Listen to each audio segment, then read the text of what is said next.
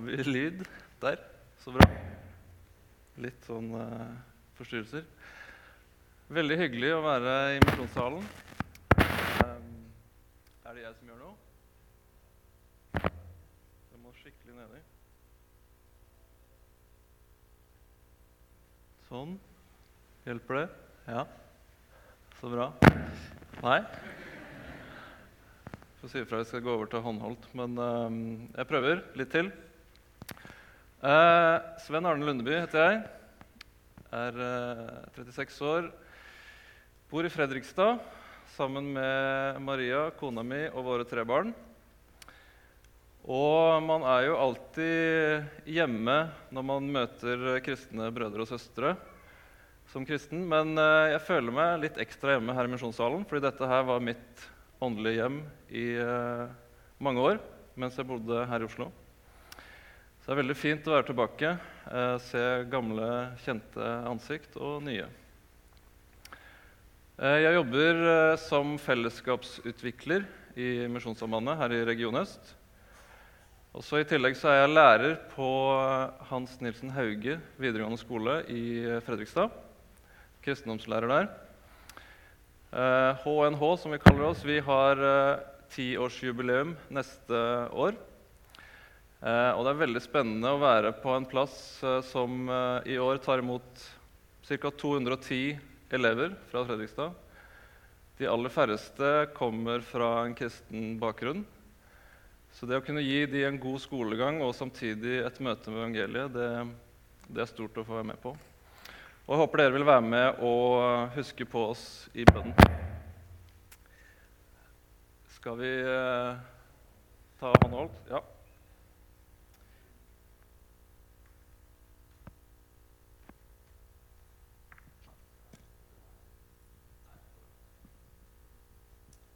Hallo. Der. Vi prøver. Vi skal gå i gang med det som er eh, dagens eh, tekst. Eh, fra Matteus evangeliet, kapittel 25, og vers 14-30. Og vi kan gjerne reise oss mens vi hører teksten.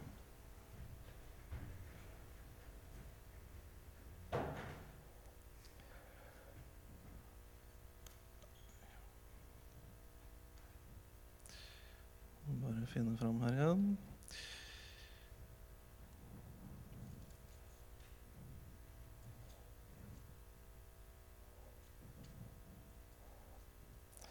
Det er som med en mann som skulle dra utenlands.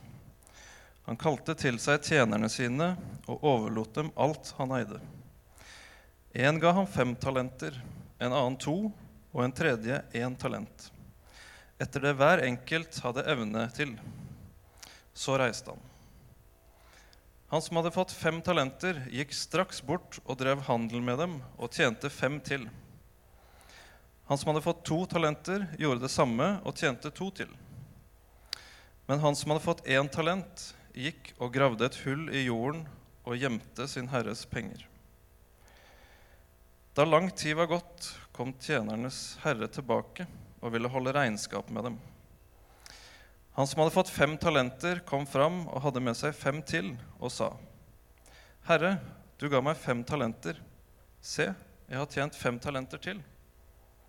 Herren hans svarte, Bra, du gode og tro tjener. Du har vært tro i lite. Jeg vil sette deg over mye. Kom inn til gleden hos din herre. Også han med to talenter kom fram og sa, Herre, du ga meg to talenter.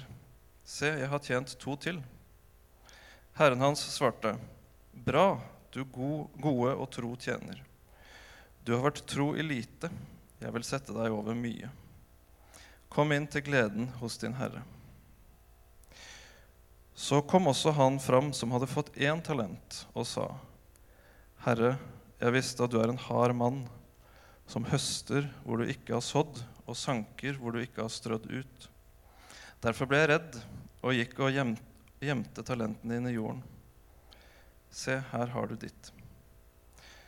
Men Herren svarte ham, du dårlige og late tjener. Du visste at jeg høster hvor jeg ikke har sådd, og sanker hvor jeg ikke har strødd ut. Da burde du ha overlatt pengene mine til dem som driver med utlån, så jeg kunne fått dem igjen med renter når jeg kom tilbake. Ta derfor talenten fra ham og gi den til ham som har de ti talentene. For den som har, skal få, og det i overflod. Men den som ikke har, skal bli fratatt selv det han har. Og kast den unyttige tjeneren ut i mørket utenfor, der de gråter og skjærer tenner. Vær så god, sitt.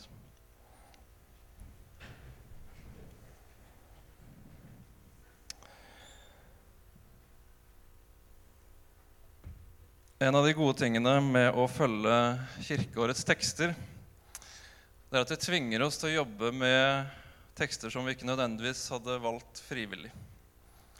Som f.eks. denne her. Det er en krevende tekst, en utfordrende tekst. Noen vil kanskje til og med kalle den dyster. Men det er like fullt Guds ord til oss i dag. Og Derfor skal vi lese den og vi skal la den lese oss. Og så skal vi be Ånden om å vise oss hva dette vil si i våre liv. Hellige Gud, dette er ditt ord til oss i dag. Hjelp oss til å se hva det betyr at du en dag skal holde regnskap. At du en dag skal dømme oss hver og en. Hjelp oss til å se det ansvaret vi har, det du har gitt oss og hjelp oss til å leve deretter. I Jesu navn. Amen. Vi skal begynne med å se litt på hva slags eh, tekst dette her egentlig er. For dette her er nemlig en lignelse som Jesus fortalte til disiplene sine. En lignelse det er en fortelling som illustrerer noe. Eh, noe som får fram et poeng, et budskap, en virkelighet. Og Jesus var glad i å bruke lignelser, og som regel så handla lignelsene om Guds rike. Ulike aspekter ved Guds rike. Hva som kjennetegner det, hvordan man kommer inn, eh, hvordan man tar imot det, hvordan det fungerer, hvor verdifullt det er, osv. I dette tilfellet her så handler lignelsen om den dommen som en dag skal komme. Og den handler om hvordan vi som kristne skal leve mens vi venter på den dagen.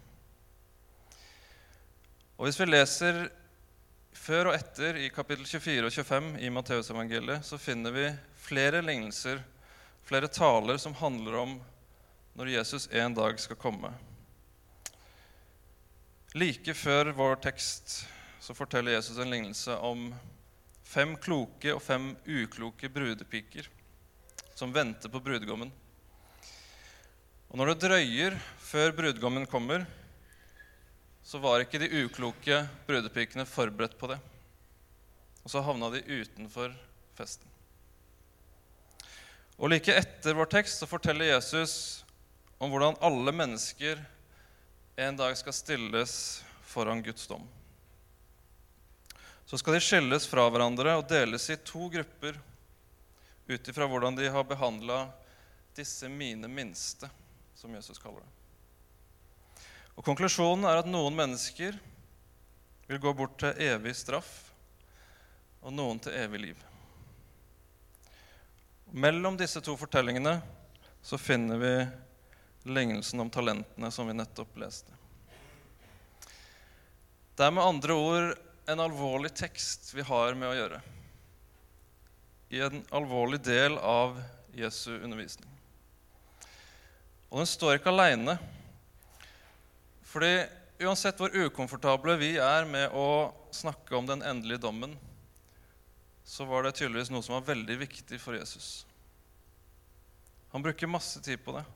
Han forteller og illustrerer i flere omganger for å være helt sikker på at disiplene skjønner hvor viktig dette er. Og hva med meg og deg? Hvilken plass har dette budskapet hos oss? Hvilken plass har dommen i våre liv? Hvis det var så viktig for Jesus, burde det ikke da også være viktig for oss? Det er spørsmål som jeg har måttet eh, forholde meg til og kjempe med når jeg har jobba med denne teksten. Og som vi skal se, så handler faktisk teksten om det. Hva vi tenker om den dommen som en dag kommer. Og enda mer hva vi tenker om dommeren som en dag skal dømme. Dette er som sagt en lignelse, og den er en del av en lengre undervisning om å leve i lys av den kommende dom. Men hva betyr den? Hva, hva betyr de ulike delene i fortellingen? Hva er det de representerer? Mannen, eller Herren i lignelsen, er Jesus sjøl. Utenlandsreisen, det er tiden mellom himmelfarten og gjenkomsten på dommens dag. Og Hos mange av de første kristne så var det en forventning om at eh, Jesus ville komme igjen i løpet av deres egen levetid. Men kanskje de ikke hadde fått med seg den detaljen i vers 19, hvor Jesus påpeker da lang tid var gått. Han avslører at det kommer til å oppleves som en lang periode før han kommer tilbake. Men en dag så skjer det, og da skal det holdes regnskap. Og tjenerne i lignelsen er oss, vi som har fått høre budskapet og troen på Jesus. Og så kommer det vanskelige spørsmålet hva er talentene? Hva representerer de? Og Det første som vi må oppklare, det er at eh, ordet talent her det er ikke det samme som ordet talent på norsk. Eh, talent i denne teksten i denne sammenhengen, det er en pengeenhet. Eller egentlig en vektenhet som anslår hvor mye noe er verdt. Så talentene som deles ut, det er ikke egenskaper, det er ikke ferdigheter eller noe sånt. Det er rett og slett penger som disse tjenerne får. Og én talent tilsvarte rundt 20 årslønner på den tida. Så den som bare fikk én talent, han fikk med andre ord over 10 millioner kroner, hvis vi skal tenke i norsk standard i dag. Og så kan vi legge merke til at det å forvalte fem talenter, det er lite i forhold til det som venter han en dag i fullendelsen. Men hva er det som tilsvarer disse talentene for oss? Som sagt så betyr ordet i direkte forstand det betyr noe annet enn talent. Det betyr penger. Og Det er også tydelig at det heller ikke i overført betydning eh, handler om talent eller egenskaper eller evner.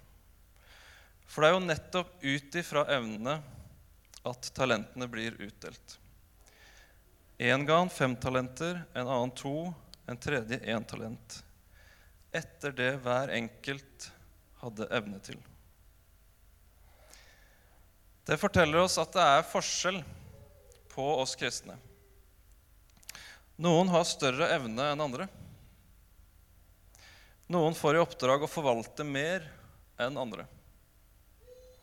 Og det klinger kanskje dårlig i vårt sosialdemokrati, men det er det som står. Og For det andre så forteller det oss at talentene er snakk om det som skal forvaltes, ikke handler om evner.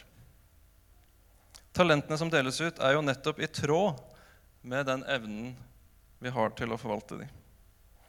Og Sånn sett så stiller alle tjenerne helt likt. Fordi Gud gir oss ikke mer enn det vi kan takle. Det er samsvar mellom evne og det som blir betrodd. Spørsmålet er hvordan vi forvalter det vi har fått. Det har egentlig ikke noe å si hvor mye du får utdelt. Det som betyr noe, er hvordan du forvalter det du har fått. Enten det er én eller fem talenter. Men hva handler talentene om da? Handler om de materielle forutsetningene vi har fått? Er det pengene våre, sånn som i selve lignelsen? Eller er det alt det vi har lært, det vi har fått av utdannelse? Er det innsikten vår i troen? Er det relasjonene våre? Er det den sosiale eller samfunnsmessige posisjonen vi har fått? Er det mulighetene våre til å dele evangeliet med andre? Jeg tror det er alt. Jeg tror Jesus vil at vi skal tenke bredt. Og Derfor så kan talentene dreie seg om alle disse tingene. For noen så vil det dreie seg mer om noen konkrete ting, mens for andre så er det helt andre ting. Og Poenget i fortellingen er ikke å spekulere i hva talentene står for. Det er ikke det Jesus vil at vi skal bruke tida på. Poenget er å se på forskjellen hos tjenerne. Nærmere bestemt innstillingen hos de ulike tjenerne. Vi møter tre ulike tjenere. To av de utfører oppdraget sitt med glede. De er aktive, og de forvalter det de har fått, sånn at det gir avkastning. Og de møter Herren sin med forventning når han kommer tilbake. Når han ser hva de har gjort, så får de ros av Herren. Og som lønn så får de både et større ansvar og en enda større glede. Mens den siste tjeneren han valgte å gjemme bort pengene. Han begrunner det med at Herren er streng, urettferdig. Og responsen fra Herren er en kraftig og alvorlig avvisning. Og helt umiddelbart så tror jeg kanskje de fleste av oss får sympati med denne siste tjeneren. Han var jo tross alt bare redd og traumatisert ikke rart at han var litt sånn tiltaksløs. Vi kjenner alle noen som av ulike grunner ikke er i stand til å produsere så mye. Er det virkelig disse her som er skurkene i denne fortellingen?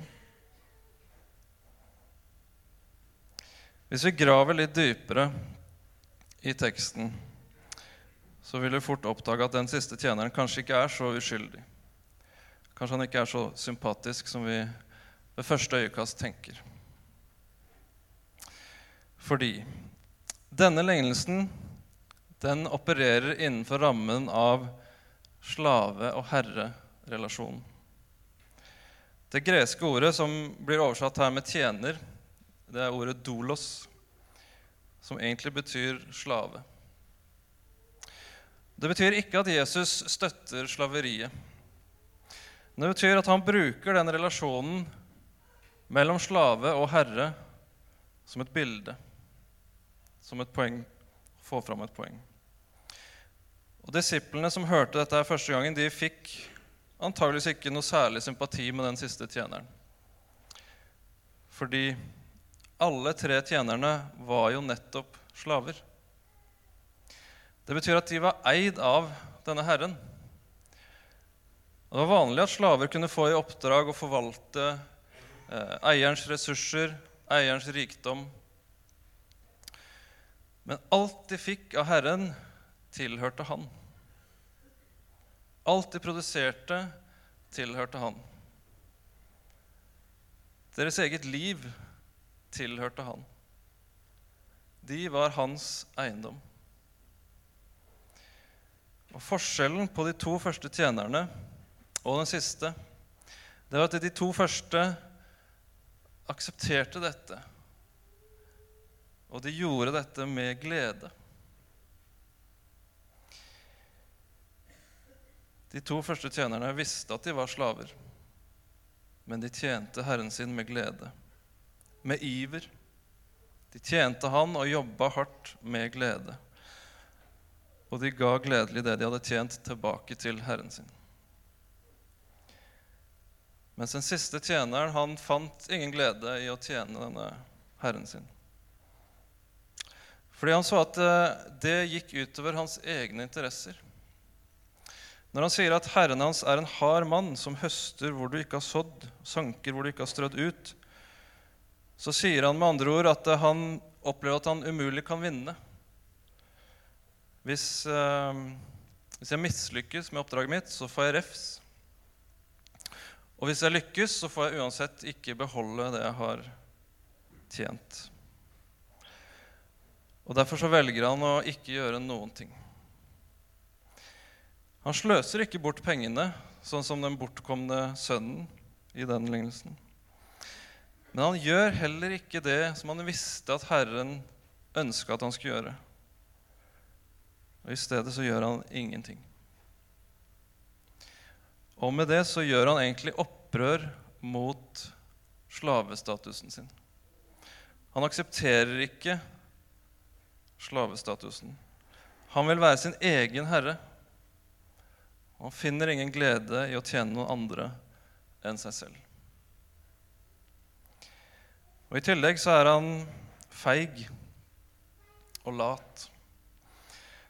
Han er feig fordi han er redd for å feile. Han har ikke tro på at det er mulig å utføre dette oppdraget som han har fått. Han har ikke tillit til at det Herren har gitt ham, har evnen til å vokse, til å multiplisere seg. Og Derfor så feiger han ut, og så graver han pengene ned. Og I tillegg så er han ifølge Herrens egne ord lat når han ikke engang tar seg bryet med å gi pengene til noen som kunne forvalta de for ham. Den siste tjeneren velger minste motstands vei. Han sitter stille i båten og venter. Og Kanskje er noe av grunnen til at vi så fort får sympati med denne tjeneren, at vi kjenner oss igjen.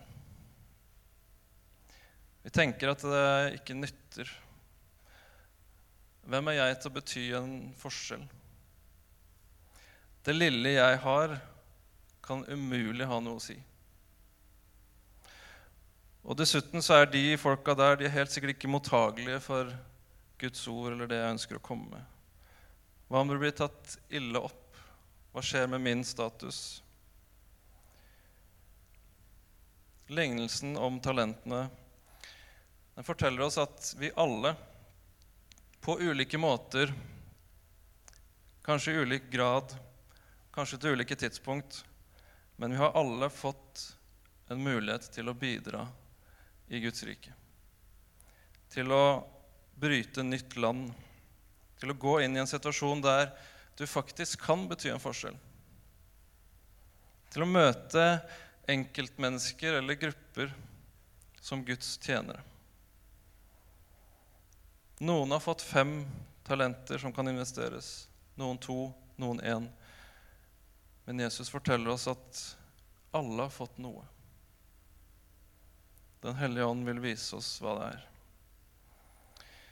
Og For min del så kan jeg i hvert fall bekjenne at eh, jeg ofte kan se en mulighet.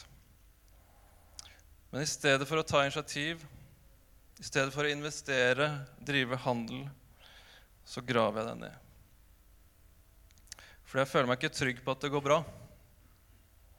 Jeg tør ikke å ta risikoen. Jeg stoler ikke på at det jeg har fått, har kraft i seg til å vokse. Og dessuten så vil jeg egentlig ikke. Jeg vil styre butikken sjøl. Jeg vil investere i det jeg får igjen for sjøl. Jeg vil være min egen herre. Og kanskje er denne lignelsen en advarsel spesielt til oss som er kristne i vår del av verden. Der vi kanskje oppfordres til å tro, men ikke for mye. Ikke for offentlig. Ikke for radikalt. Ikke for provoserende. Vi oppfordres til å ha en tro som er passelig gjemt passelig nedgravd bak i din egen hage. Passelig privat og behagelig.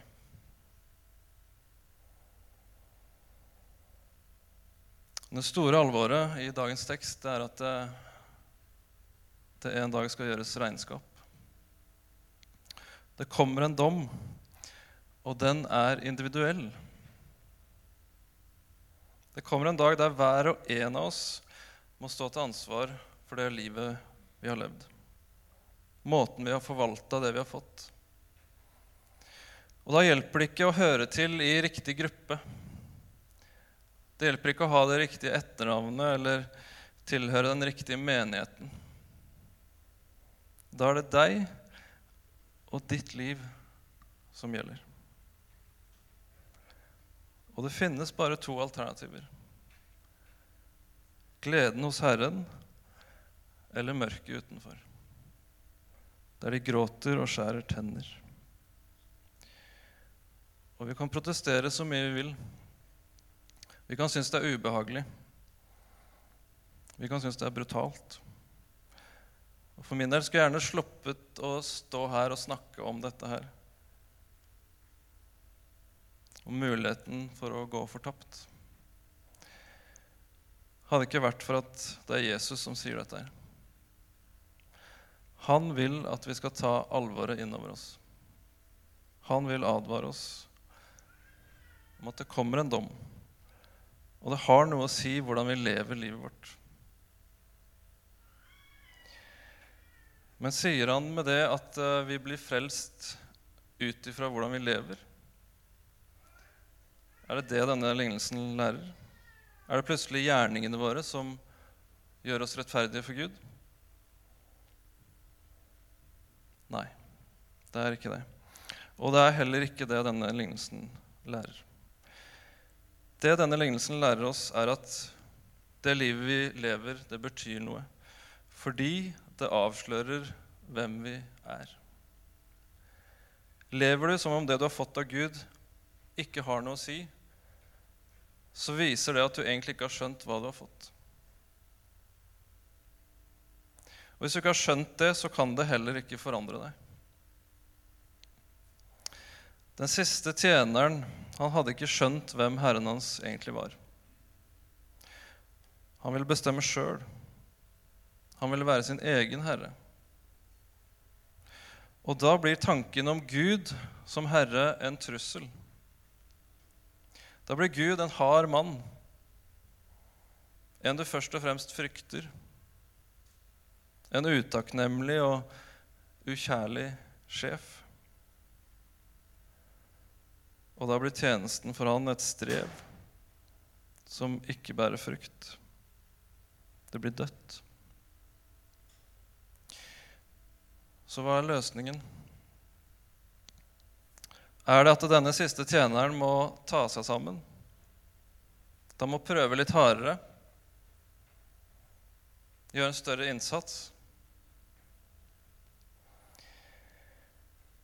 Som en slags kommentar til denne lignelsen så skriver Johannes i sitt første brev, i kapittel 4 vers 17 og 18. I dette er kjærligheten blitt fullendt hos oss, at vi har frimodighet på dommens dag. For som Kristus er, slik er vi i denne verden. I kjærligheten finnes det ikke frykt. Den fullkomne kjærligheten driver frykten ut. For frykten bærer straffen i seg, og den som frykter, er ikke blitt fullendt i kjærligheten. Hvis du kjenner deg igjen i denne siste tjeneren, hvis livet ditt er prega av en eller annen form for frykt Frykt for Gud, frykt for mennesker, frykt for å feile, frykt for å ha det ubehagelig eller å ofre noe Da er det du trenger mest av alt, kjærlighet. Å bli fullendt i ekte kjærlighet. Og hvordan skjer det? I verset etter så skriver Johannes i det samme brevet det som like gjerne kunne vært livsmottoet til de to første tjenerne. Vi elsker fordi han elsket oss først. Skal vi bli som de to første tjenerne i lignelsen, så må vi innse at Grunnen til at vi tjener, det er fordi han tjente oss først.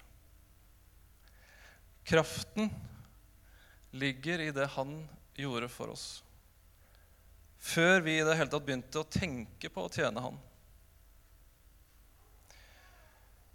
Når vi leser hele Matteusevangeliet, så ser vi nemlig at Jesus sjøl gjennom livet sitt levde ut denne lignelsen men i en reversert form.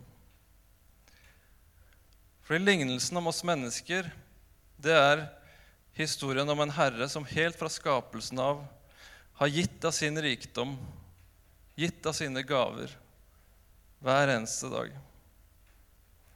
Og så er det historien om tjenere som stadig kaster det bort. Stadig graver det ned, gjemmer det bort og til og med tråkker på det. Og evangeliet er lignelsen om han som kom fra rikdom og glede. Herrens egen sønn. Og som utførte oppdraget sitt til punkt og prikke. Han levde fullkomment godt. Tjente Herren, sin far, på en perfekt måte. Det fantes ikke svik i hans munn. Og gjennom sin fullkomne godhet, gjennom sitt fullkomne liv, så opparbeida han en uendelig rikdom. En uendelig mengde talenter. En bankkonto som ikke kan tømmes. Men i stedet for å ta imot den belønningen som han hadde fortjent, så valgte han å gi fra seg hele denne formuen til de som hadde feila, til deg og meg.